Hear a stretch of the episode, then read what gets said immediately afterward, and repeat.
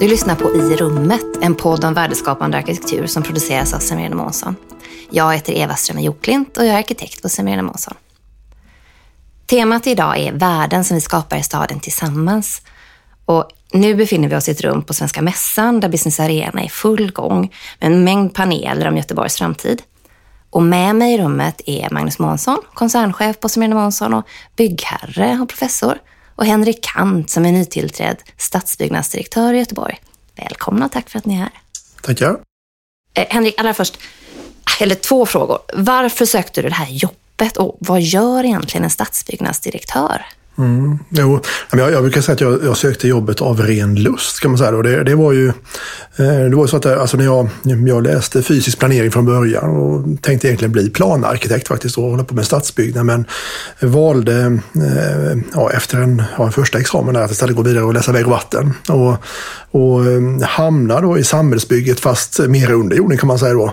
Med vatten och avlopp och sen även avfall. Så, så att, ehm, eh, men, men jag liksom, man har ju varit en del av samhällsbygget så jag har aldrig liksom släppt eh, det här. Och jag har haft det jäkligt kul under hela min, eh, min karriär hittills då på ja, VA-verket och, och Göteborg Vatten och Kärsta på Vatten. Men eh, kände att skulle det vara någonting annat jobb man skulle vilja jobba med, då skulle det vara på stadsbyggnadskontoret. Då. För att det, det, då, då skulle man liksom komma åt det och kanske jobba med ja, utformningen av staden helt enkelt och, eh, och stadsrummet.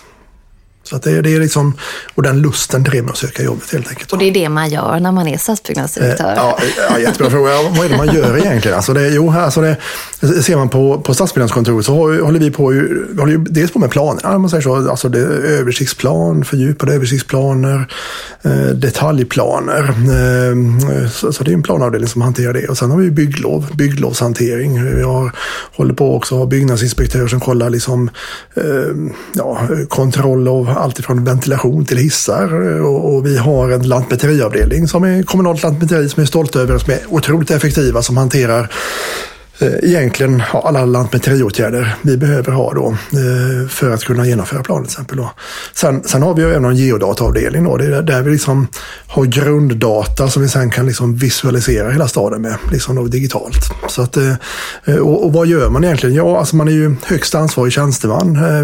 Med mig, jag jobbar ju närmast mina avdelningschefer, stadsarkitekten och Björn Kiersjö och, och Eh, där, där så eh, jobbar man ju mot den politiska nämnden, alltså byggnadsnämnden. Eh, och de träffar man ju normalt då via presidiemöten och via nämndmöten. Så att egentligen handlar det om att kunna få en framdrift och liksom få fram planer, få fram bygg, bygglov, kunna göra lantmäteriförrättningar och så vidare och hantera grundkartan så att vi får ett, ett helt enkelt når några målsättningar vi har i Göteborg och får ett bättre Göteborg. Eh, och, och, eh, rent praktiskt då, så, så förbereder vi nämndmöten och hanterar det. Då har, har det liksom ett tjänstemannaförslag helt enkelt och som sen politiken får ta beslut enligt då, eller yrka på någonting annat och ta beslut. Och sen, sen kör vi på de fattade besluten såklart. Då.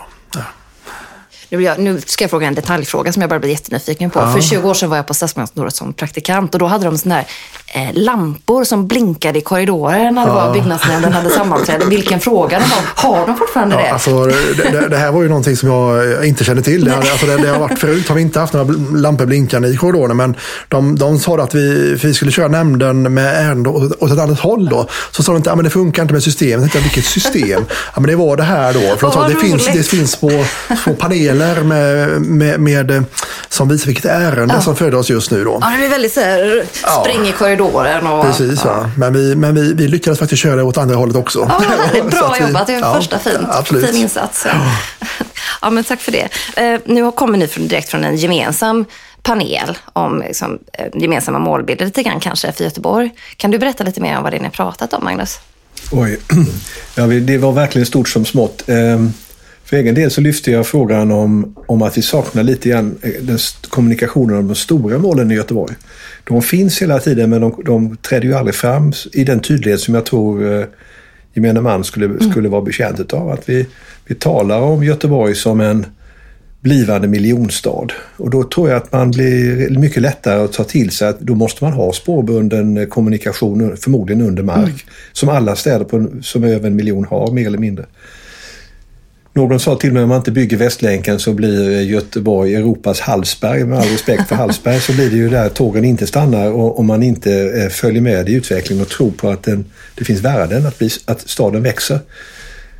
Jag tror också att det blir en, en lättare kommunikation med, med, även andra byggprojekt, förtätningsprojekt och andra infrastrukturella projekt. Om man har den, den gemensamma målbilden som man har men som man då kommunicerar lite, inte tillräckligt bra enligt mitt förmenande.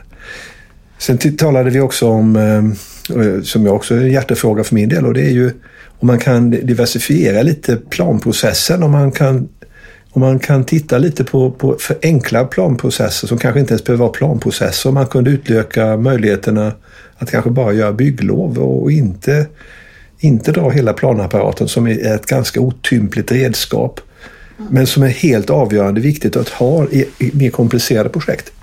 Eh, där tror jag finns en diversifiering som, som, eh, som är intressant att, att, att, att diskutera vidare en månad in på jobbet. Har du några mm. svar där? Eh, ja, nej, alltså när, det gäller just eh, kommunikationen med göteborgarna om, om vart vi är på väg någonstans, vilka målsättningar vi har, så, så tror jag också staden själv har sagt att det, det är en brist liksom i, i att eh, om, man, om man nu är inne i ett planarbete och ser hur den är kopplad mm. till vår, vår, vår övergripande vision och vart vi ska vara någonstans. Och nu har man till exempel lyft upp en stadsutvecklingswebb där man som göteborgare mm. kan se på Alltså hur ser det ut idag och vad är vi på väg mot? Då? Och där kan man ju se att det är en otrolig diversitet och vi bygger och eh, planerar i väldigt många, områden här också. Då. Men, men jag tror den bilden kan och behöver förstärkas ännu mer. Alltså så man ska kunna ha den bilden när man också är inne i en, ja, i en, i en planprocess eller ett planprogram. Då, så man förstår hur det är kopplat till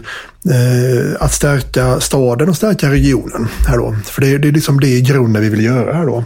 Och eh, sen då som, som Magnus sa här att alltså, behöver vi hantera planer på samma sätt överallt då? Det, det, det, det, är en väldigt bra fråga egentligen. Då. För exempel, jag är ju en fan av översiktlig planering. Då. Översiktlig planering som blir ganska konkret också då, gillar jag. Då. Så att, och det, det, nu håller vi på att ta fram ny översiktsplan, nya fördjupade översiktsplaner och strukturplaner då, som ska kopplas till de här. Och, och eh, där, där tror jag också att vi, vi har försökt vara kreativa ibland och se, faktiskt upphäva planer där vi inte behöver ha planer och bygga direkt och gå direkt på bygglov. Och det, ja, det, det är kanske inte på det sättet man ska hantera all planering, men ibland när det passar så, så, så kan vi faktiskt göra på det sättet också. Mm. Men det gäller alltid att ha en grundläggande tanke mm. om vad man ska göra av ett område innan man gör det. Då. Och en levande så. utvärdering också kan man ju tänka om. Så hur, hur blev det här om vi ja, gjorde på det här sättet? Precis, för man måste ha respekt för grundtanken mm. i ett område innan man ger sig på det. Liksom också. För fullföljer man den tanken som du har i andra cash så hamnar man i ett, en situation där översiktliga planering blir mycket viktigare. Mm. Mm.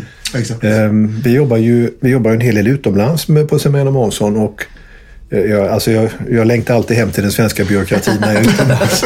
Det är liksom, ja. Jag har till och med hållit ett litet föredrag i det ämnet. Då längtar jag hem till den svenska byråkratin för den är fantastisk. Men det finns också saker att lära sig. Eh, I Tyskland till exempel, där har man bara två sorters land. Det finns Bauland och Nichtbauland.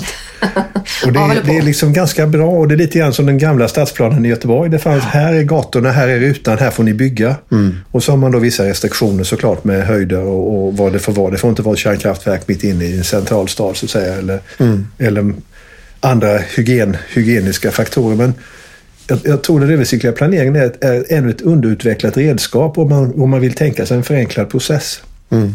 Um, och, och, så, det blir också en resursfördelningsfråga så att man kan då hantera vissa saker, inte alls slarvigt, men tillräckligt, tillräckligt bra. Och så kan man då flytta, flytta massa resurser till där det är svårt på riktigt. Va? Vi har ju ja. mängder med svåra planer Precis. som verkligen behöver omsorgsfulla detaljplaner med väldigt djupgående utredningar. Det är liksom ingen tvekan om det. Va? Men, men att eh, hitta den, den, ska man säga, diversifieringen, det, det tror jag är en, en av utmaningarna. Om jag får ge ett litet råd.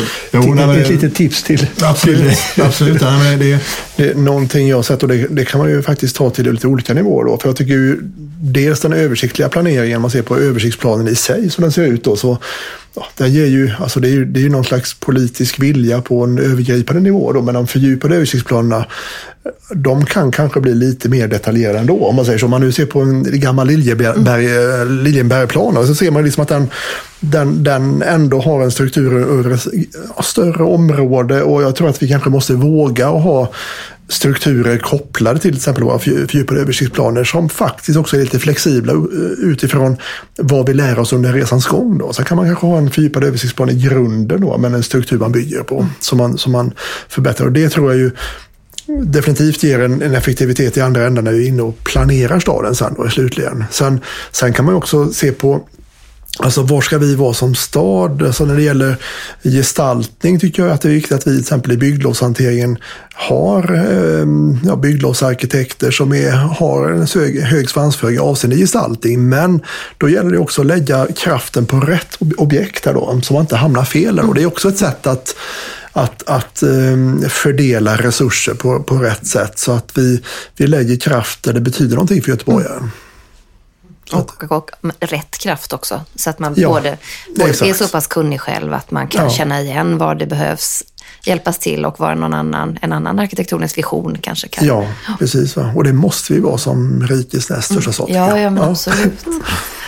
Eh, jag tänker på just det här det långa tidsperspektivet och hålla, hålla visionerna levande. För lite grann kan man känna att det kanske är så med Vision Älvstaden och jubileumssatsningen är lite fräschare och nyare ändå. Men att hålla intresset uppe. Folk har läst om allt det här, allt arbete som har gjorts och just hur man gör för att för att pumpa in energi i det. Du har ju pratat lite grann om hur, hur gör man nu? Du, du kommer in i ett läge där vi behöver konkretisera de här visionerna ja, lite grann.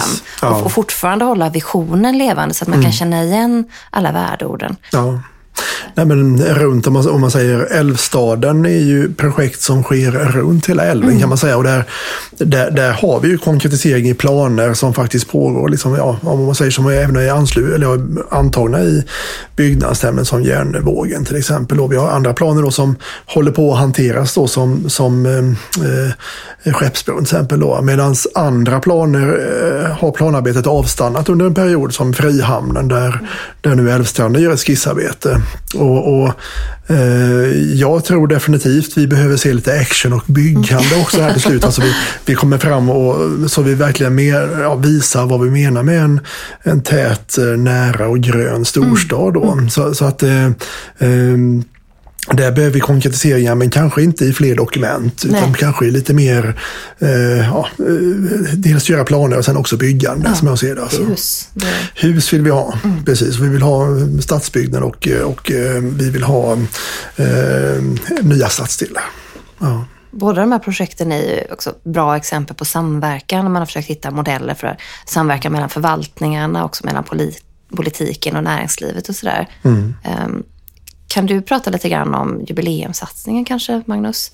Det som alltså, jag, där. Vi har ju förmånen på Samuel Månsson att vara lite runt om i Sverige. Vi inser ju att eh, stadsbyggnadskontor, ett fastighetskontor och ett trafikkontor mm. och eh, andra, andra förvaltningar kan organiseras på rätt många olika sätt. Och det är, det är en vidgad vy som, som man kan ta till sig som, eh, i det läget. Jag, jag tycker själv att jubileumssatsningen eh, som, eh, alltså Göteborg 2021 som den, som den kommer att heta, är ett av de mer intressanta experimenten vi har gjort på bra länge där man, där man hit söker en, en, en, en tvär, tvärstrukturell eh, förståelse mellan, mellan fyra olika, de tre olika huvudförvaltningarna. om man talar med dem som också har jobbat operativt med detta så tycker de att det är fantastiskt att man bara går till en, liksom en jobbarkompis som mm. är från en annan förvaltning som sitter två bord bort och så löser man en fråga på en minut. Och man behöver inte boka tid eh, med, med, någon, med lång framförhållning utan man, man har ett väldigt operativt seende. Mm. Och det där, det där tror jag är någonting vi ska ta till oss eh, som en slags förebild i, för det fortsatta det fortsatta arbetet med, med, med planering. För det, det, det, är en tröghet i de, i de olika förvaltningarna som, som vi som står på den privata sidan har lite svårt att förstå att det, att det behöver vara så. Mm. Och det, det, behöver det inte heller rent, rent Nej, legalt eller organisatoriskt utan det är någonting som Göteborg har valt sedan länge och det har säkert sin förklaringsmodell men jag tror den modellen inte är riktigt eh, förståelig idag. Nej, det känns verkligen så. För jubileumssatsningen, mm. eller 2021, beskrivs ju som en testbädd lite grann för arbetsformer och samarbetsformer. Mm. Och Finns det någonting som har visat sig dåligt med just de här samverkan mellan förvaltningarna? Eh, nej, inte, inte när det gäller, alltså när det gäller bostad 2021. Då har man ju ändå en väldigt tydlig uppdelning i varandras grundroller om man säger så. Så att det, eh, det, där har man ju mer klustrat ihop personer utifrån ett antal projekt då, som kan sitta ihop och jobba enligt sina roller då, mm. och eh, haft en tydlig eskaleringsordning upp till en styrgrupp. Och vi har ju haft följeforskning på detta som precis nu håller på och eh, rapporterar och vi håller på att titta på den och också har en intern hantering av detta. Då. Så det, det kommer ju, ja, jag få till mig ganska snart här hur det ser ut. Då. Men, men eh, Eh, det, det, det man ser på, på sitt förra, mitt eh, tidigare yrkesliv, liksom vatten och avlopp till exempel, då, så var det så att man undrade liksom, varför kunde Växjö liksom göra så himla mycket bra dagvattenanläggningar så himla effektivt då, där, där man samverkade mellan stadens olika ja, funktioner. Då, och varför är det så jäkla svårt att få till i Göteborg? Då? Det, det var ju mycket man pratade med dem i Växjö. De satt i samma korridor hela gänget där. Och de landskapsarkitekter ihop med arkitekter och VA-ingenjörer. Sen gjorde man liksom då. Och, och det är väl lite grann det vi ser delvis här då i Bostad 2021 tror jag då. Att man kan klustra ihop sig om konkreta projekt och kunna genomföra dem lite mer effektivt då. Eh, och det, det är väl, eh, vi har jobbat i många, många år inom fackförvaltningsvärlden för att samverka och jobba ihop då. Men vi är till syvende och sist ändå förvaltningar med varsin direktör och varsin politiska nämnd. Så att det, eh, och, och vi hade en, en, en fackförvaltningsutredning som också var uppe här nu i kommunstyrelsen styrelsen, men när man beslutade att, att eh, ja, egentligen bibehålla det som det var då, förutom att ha en strategisk planerings, eh, planeringsfunktion på stadsledningskontoret. Då. Så, så att eh, man kan organisera det på annat sätt också, så kan man säga. Nej, men den, den, den, mindre kommunen, Växjö eller Norrköping eller Jönköping eller vad vi nu har varit från vårt, vårt perspektiv. Det, det är som du säger, det är korridorsyndromet. Mm. Man känner varandra och det är en ganska liten grupp av människor som, som hanterar som hanterar frågorna i en, i en kommun på 50, 100, 150 000 människor. Alltså det, det går liksom, men, men det händer någonting när det blir Malmö eller Göteborg eller Stockholm eller mm. städer av en storlek och komplexitet som, som gör att man måste dela det på ett annat sätt. Så det är förståeligt att det ser ut så också. Ja, men... visst, man är alltid orolig också att det ska bli något konstiga små korruptionsdelar eller att, att man bara börjar göra saker på för vana sätt och så. Så det finns ju mm. den delen i det också, det förstår man ju. Men mm. Är frustrerande när det tar för lång tid, för då får man ju Fil Filosofiskt är det naturligtvis ett modernistiskt tänkande mm. att man, att man funktions, funktionsuppdelar även, även förvaltningsarbetet mm. i olika fattbara delar som sen ska sättas samman till mm. en helhet om man har ett mer holistiskt perspektiv på det som vi gärna har på arkitektsidan så, så är det naturligtvis inte så man ska jobba utan det är, det är ju liksom att styr, styra av en vision eller styrs av en, en större bild som, mm. som inte är uppdelad när man startar. Mm. Men det, jag hör vad Henrik säger här nu om det politiska beslutet så vi, vi, ja, vi ställer oss in i den ledet men eh, vi vill ändå hissa flaggan för att ökad, ökad samvaro mellan förvaltningarna skulle gynna staden. Absolut, Nej, men vi, vi accepterar politiska beslut såklart med, och, och, och, och, jobbar enligt dem. Men vi, vi har en väldigt stor samverkan idag. Mm. Men vi vill ju också att det ska synas ända ut på medarbetarnivå. Det gör det i många fall. Men, men eh, visst, vi har en väg att gå där. Och det, det, det är också så att man har olika olika prioriteringar i olika nämnder. Till exempel då när det gäller liksom vad prioriterar man mest? Är det egna investeringar i infrastruktur eller är det utbyggnad av bostäder? Till exempel då? Det, det, det, det är ett tufft politiskt landskap också vi har i Göteborg då, som gör att det kanske inte styrs åt exakt samma håll Nej. i alla delar. kan man säga då. Utan det får man eh, också acceptera och hantera utvecklingen. Det är ju så hemskt många, vi pratade om det lite grann tidigare också, det är så många nivåer. Hela det här att vi förtätar kärnan, vi behöver stärka en kärna för att kunna attrahera ja. mm. mer utifrån. Vi bygger ut också. Vi får liksom stora nya grupper som kommer till, till Göteborg. Vi har stora grupper som vi vill ska stanna. Det är liksom väldigt många. Det är lätt att förstå att det är svårt att ha fokus kan man ju säga. Mm. Ja. Alltså det, det händer väldigt mycket samtidigt. Ja. Um, tänker att vi kan prata lite grann om eh, arkitekturvärlden. Eh, temat för huvudutställningen på arkitekturbiennalen i Venedig i år eh, är Free Space. Då är det Shelley McNamara och Yvonne Farrell som har formulerat ett tema som, de, som på svenska kan kallas rumslig generositet som de här utställarna från olika länder har att förhålla sig till när de ska göra utställningar.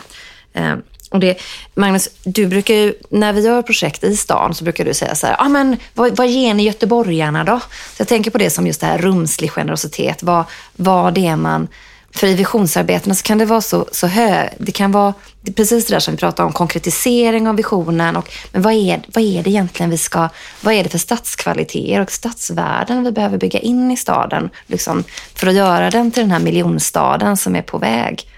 Magnus, kan du? Ja, alltså det, det är en utgångspunkt som jag tycker både man som arkitekt och byggherre måste ha. Att man är en, man liksom en, en, en, eh, en aktör i raden av många. Så, så som städer byggs, det är ju ett hus och så är det ett annat hus och så ett tredje hus. Och var och en som producerade de där tre husen måste ta sitt ansvar för att helheten blir bra. Och det, det, det baseras ju på en bra plan och bra förutsättningar. Men det är en, jag tycker det är en hygienfaktor att man som arkitekt och byggherre tänker att man, man ska ge någonting tillbaka till staden för att man får möjlighet att bygga i den. För det är ju, en, alltså Göteborg är ett varumärke som vi egentligen profiterar på när man, när man både ritar och bygger och äger och förvaltar. Alltså det, det varumärket tillsammans ska ju bara stärkas genom min, min, mitt lilla bidrag i, som en, en, en, del, en del av en helhet.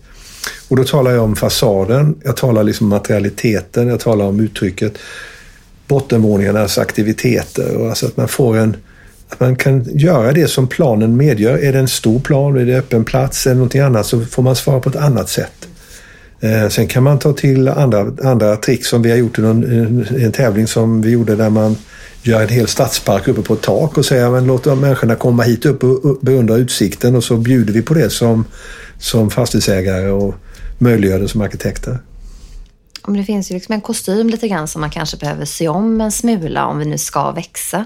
Mm. För det, hur, hur mycket, det är Göteborgs identitet, det är såklart mm. En, mm. en sån där är vi den, den, stora småstaden eller ska vi försöka ta på oss någon sorts metropolis kläder nu? Eller vad är det vi, vad är det vi ska göra i visionen? Den nära, den nära gröna... Ja, just det. Vad, vad är det egentligen ja. för någonting? Alltså? Nej, men jag tror just att bevaka stadskvaliteter och diskutera det med byggherrarna, det är ju en av de viktigaste uppgifterna vi har. Liksom, så att man på något sätt får rätt gestaltning av eh, stadsrummet, bra livskvalitet också totalt sett då när det gäller kommunikation, liksom bygga en klimatsmart stad. Alltså det, det, det, det, det, det, är också här som jag tror att man som byggherre, inte bara tror utan vet att man som byggherre måste vara lyhörd när våra arkitekter säger att man inte har tillräckligt höjd. Då. För det är liksom just det, vad ska man ge till göteborgaren här då? För att det här är faktiskt en byggnad, man bygger ett rum man skapar, kanske ett stadsrum som kommer vara här ganska länge då, liksom som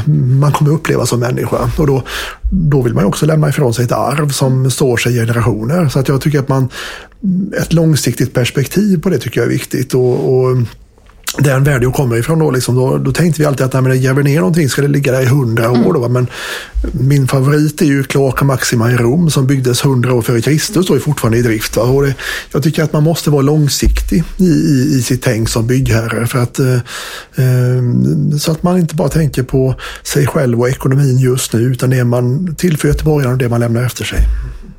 Så det är en viktig diskussion som jag, där vi måste vara spetsiga.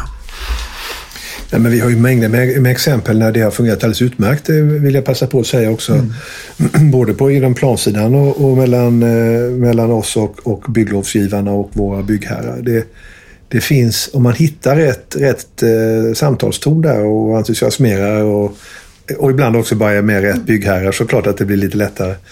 Så att det, det, det, finns, en, finns, en, eh, det finns många, många goda exempel på det för vår del. Jag tänker på Avalon och Posthotellet och sånt där mm. som fruktansvärt svåra gestaltningsuppgifter men där, som vi har gjort med mycket, mycket nära samarbete med, med Stadsbyggnadskontoret både på plansidan och på antikvariska sidan och på bygglovssidan så småningom. Mm. Alltså en, mm. det finns, en, finns många detaljerade su su succéberättelser från, det, från de samarbetena som vi inte ska ta upp tid med här. Men, så, att, så att det fungerar väl också ska sägas. Mm. Samverkan, det kan ju ibland låta som att sam, med samverkan hjälper ju alla så att, såklart. Projekten ja. blir ju bättre av att man stöter och blöter lite grann. Absolut. Och får flera perspektiv såklart. Ibland kan det låta som att vi bara vill, vill få vår arkitektvilja fram med en gång. Så att, men så är det ju faktiskt inte heller.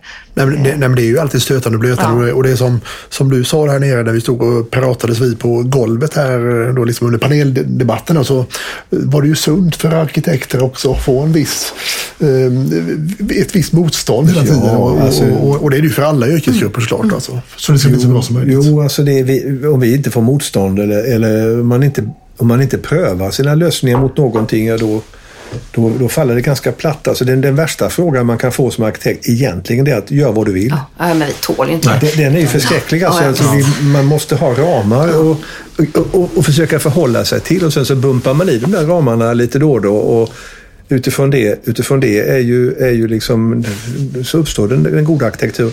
Alltså det är detta som är skillnaden mellan konst och arkitektur egentligen. En, arkitekt, en arkitekturuppgift har alltid ett syfte. Eller som Elias Cornell säger att eh, det är en eh, estetisk organisation av en praktisk verklighet. Alltså, konstnären kan stå och måla på sin ateljé vad han vill eller hon vill och så blir det vad det är och så ställer man ut och så blir man bedömd. En arkitekt måste ju förstå att det är en, en, ett sammanhang man verkar inom och har en uppgift att fylla. Ett väderskydd för någonting eller bara en, en boende situation för några. Och så får kanske gärna addera någon ytterligare dimension som man inte visste om från början. Och så har man flyttat ramen lite lagom och så löser man den här uppgiften. Och liksom ger göteborgaren någonting extra, att man löser fler Precis. uppgifter. Kanske förhoppningsvis än vad man fick.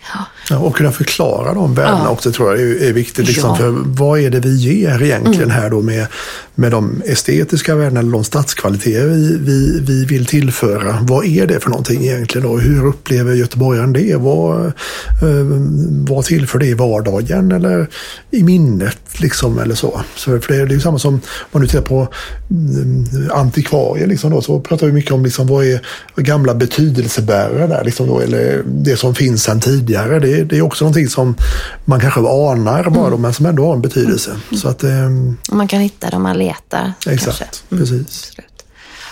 Jag tänkte, det börjar bli närma sig slutet lite grann. Jag börjar, är jag bara så lite nyfiken. Vilka områden i det framtida Göteborg är ni mest nyfikna på att promenera omkring i? Kan du fundera lite grann och börja, Henrik? Eh, Var ja. vill du gå?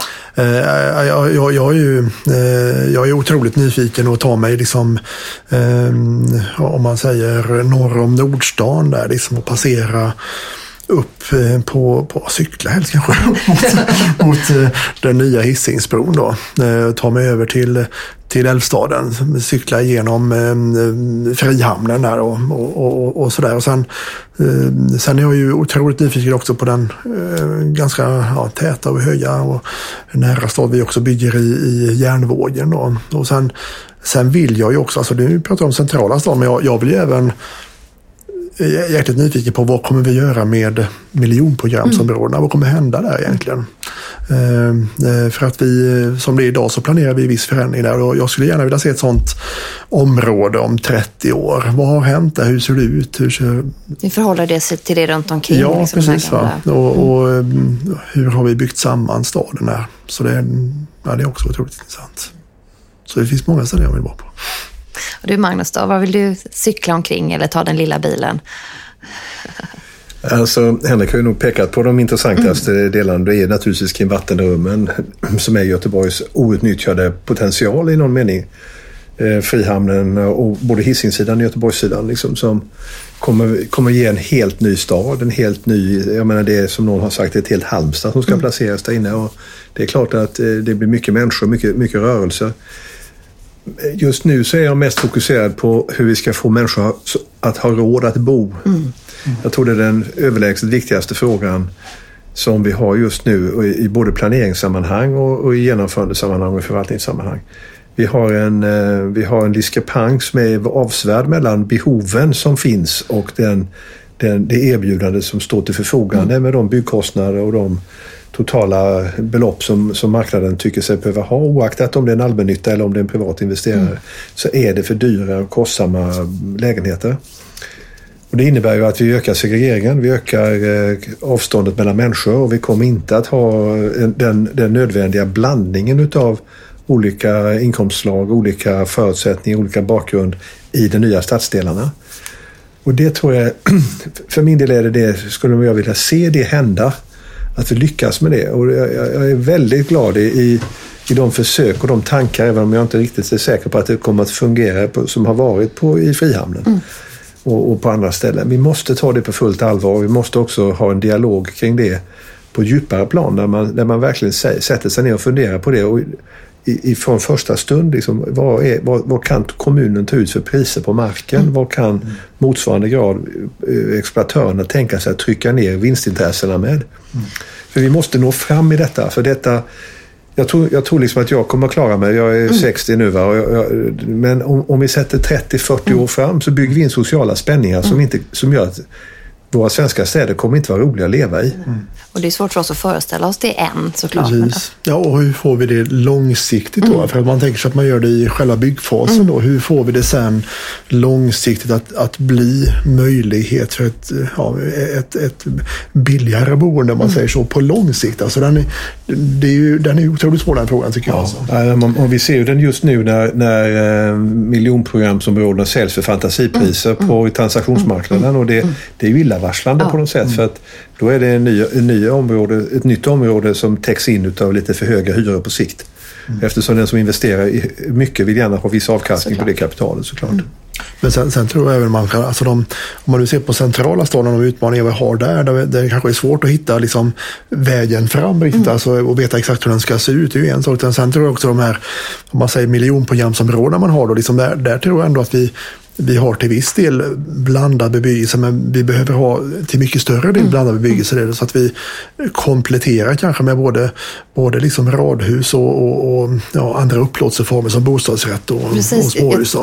Jag tänker på, jag menar när det var bostadsbrist på riktigt en gång förr så Mm. kom hela egna hemsrörelsen igång till exempel. Och nu finns det finns ju lite olika sådana parallella trender både ute i världen och i, i Sverige som handlar om självbyggeri, både, både delvis och helt. Det finns ju den Alejandro Aravenas Half a House där man Mm. Ja, bygg, det. byggde halva och så bygger familjen och så får man mer delaktighet och sådär. Det finns lite, det finns en eh, vad det, självbyggerifabrik på Tjörn som de har dragit igång. Precis. Det, det finns ju liksom den där typen av rörelse också. Så man undrar om det, om det skulle kunna vara hjälp till svar, åtminstone ute i, liksom i områden längre ut från stan. Jag, jag tror man måste vara väldigt eh, Öppen, öppen och, och ta in en hel del alternativ. Vi genomför några projekt i Polen nu där, eh, där man lämnar eh, huset som eh, ja, en slags shell and core på engelska eller Rohbau i tyska. Det innebär att man har ingen inredning alls. Man har, eh, man har, inga, man har avsättning för vatten och avlopp och så. Man har en plats för köket men man levererar det helt rått. Fasader, tak, allt trapphus är färdiga. Det där är ju ett sätt att, att ekonomiskt reglera det så att man, man kan köpa det där för nästan halva kostnaden mot och sen har man mycket egenarbete och så gör man i ordning det. Nackdelen där är ju, nu nu är det ägandelägenheter så att säga, men nackdelen är att det springer då liksom, om det är 50 lägenheter i huset, det är 50 olika rörmokare. Och 50 olika rörmokare som i olika system väljer olika lösningar, det är klart att nå- någonting läcker. Och att man, man bygger in andra typer av risker men man kanske klarar de ekonomiska målen. Eh, Så att, jag menar, men, men jag tror man ska ha öppet sinne och fundera på att det inte det behöver inte vara som det alltid är hemma vid så att säga. Utan man, Precis. Ja, men upp, öppet sinne och ha, ha det som testbädd tror jag definitivt. Alltså. Och sen, sen, eh, sen är det väl så liksom när, när det här mö- möter Boverkets byggregler. Liksom, då kan man undra liksom hur, hur kommer det bli egentligen och hur, ja, hur långsiktiga tillbyggnader blir på en, ett mm. house. Liksom, då, men, Ja, men så, så att man, man eh, också har en långsiktighet i, i det. Då. Men, men eh, ba- bara för att man kan vara så fyrkantig så måste man ändå kunna testa. Liksom, då. Ja, men man tänker just med Half a House, tänker man på den svenska traditionen att bygga friggebodar i tid och otid. Så det precis. Kanske finns ganska goda förutsättningar egentligen. Ja. Bara man har någon sorts övergripande planering som håller ihop det. En och hel- har en rörmokare en, kanske. hel liten, stads- en hel liten stadsdel med bara attefallshus. Ja, ja, men det är ju som däckshuset ute i Kortedala. och sådär. Det var ju samma sorts tänk lite grann. Vad kan vi göra för system som vi passar in där I ringen, där kan man köra massa attefallshus Ja. exempel på den här industriplanen. Ja, men. Nej, men det är ju också viktigt att man tänker sig att bara för att det ska vara eh, billigt att bo så får det inte vara samma sak som att det är dålig kvalitet. Nej. Det måste nästan vara tvärtom. Verkligen. om, man, om man bygger billigt idag så är det dyrt imorgon som någon byggmästare sa till mig för länge sedan. Och det, det är ju så självklart när man har ett förvaltningsperspektiv att det måste hålla även på 10, 30, och 50 och 100 år. Och det, det, det, är ju- det, där är ju ekvationen att lösa, att orka med den investeringen och ändå inte driva upp, upp kostnaderna för mycket. Det, det tror jag, på vår, vår sida i den frågan så är det det som är utmaningen. Ja, men vi, vi har utmaningar framför oss helt enkelt. Men tack så jättemycket för att ni kom. Det har varit jätteroligt. Det finns hemskt många fler frågor att prata om såklart. Men nu tror vi att våra lyssnare Tack själva. har tröttnat, höll jag på att säga. Men åtminstone behöver en kopp kaffe kanske. Tack så mycket.